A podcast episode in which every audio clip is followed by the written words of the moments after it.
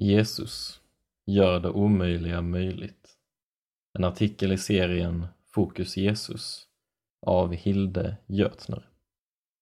En man kom fram till Jesus och frågade Mästare, vad ska jag göra för gott för att få evigt liv?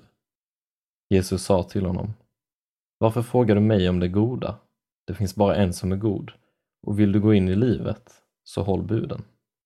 Han frågade honom Vilka? Jesus svarade Du ska inte mörda, du ska inte begå äktenskapsbrott, du ska inte stjäla, du ska inte vittna falskt, hedra din far och din mor och du ska älska din nästa som dig själv. Då sa den unge mannen till Jesus Allt det har jag hållit. Vad är det då jag saknar? Jesus svarade Vill du vara fullkomlig? Gå och sälj vad du äger och ge åt de fattiga.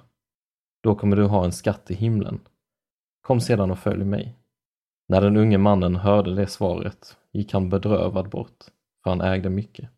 Jesus sa till sina lärjungar, jag säger er sanningen, det är svårt för en rik att komma in i himmelriket.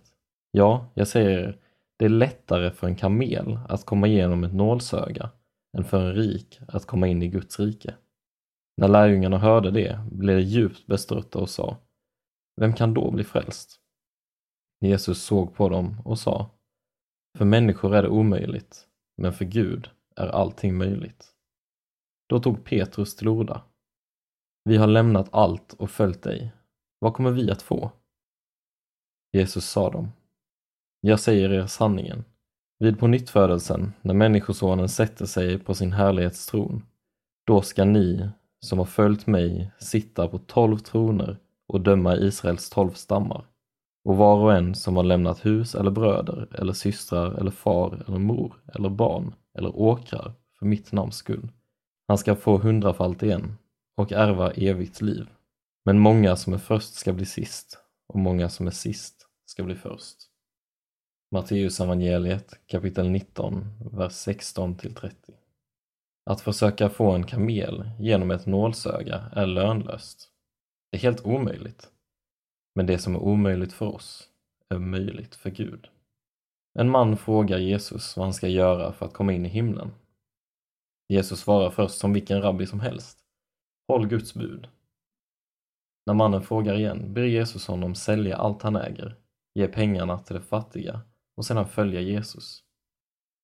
Mannen går bedrövad iväg eftersom han äger mycket. Sen säger Jesus till lärjungarna att det är lika svårt för en rik att komma in i himlen som för en kamel att komma igenom ett nålsöga. Alltså omöjligt. Vem kan då bli frälst? undrar lärjungarna. Jesus svarar, för människor är det omöjligt, men för Gud är allting möjligt. Jag tror Jesus ber mannen sälja sina saker för att få mannen att tänka över vad som verkligen är viktigt. Om man gör sig av med något som tar stor plats i livet finns det mer plats för Jesus. Den här delen av berättelsen kan förmedla att vi ibland anstränger oss mycket för saker som egentligen inte har så stor betydelse. Mannens och lärjungarnas frågor handlar om vad de själva kan göra för att komma in i himlen. Jesus förklarar att ingen människa på egen hand kan komma in i himlen. Det handlar bara om vad Gud kan göra. Liknelsen är nästan komisk. För Jesus kanske det är lite komiskt att vi tror att vi kan rädda oss själva.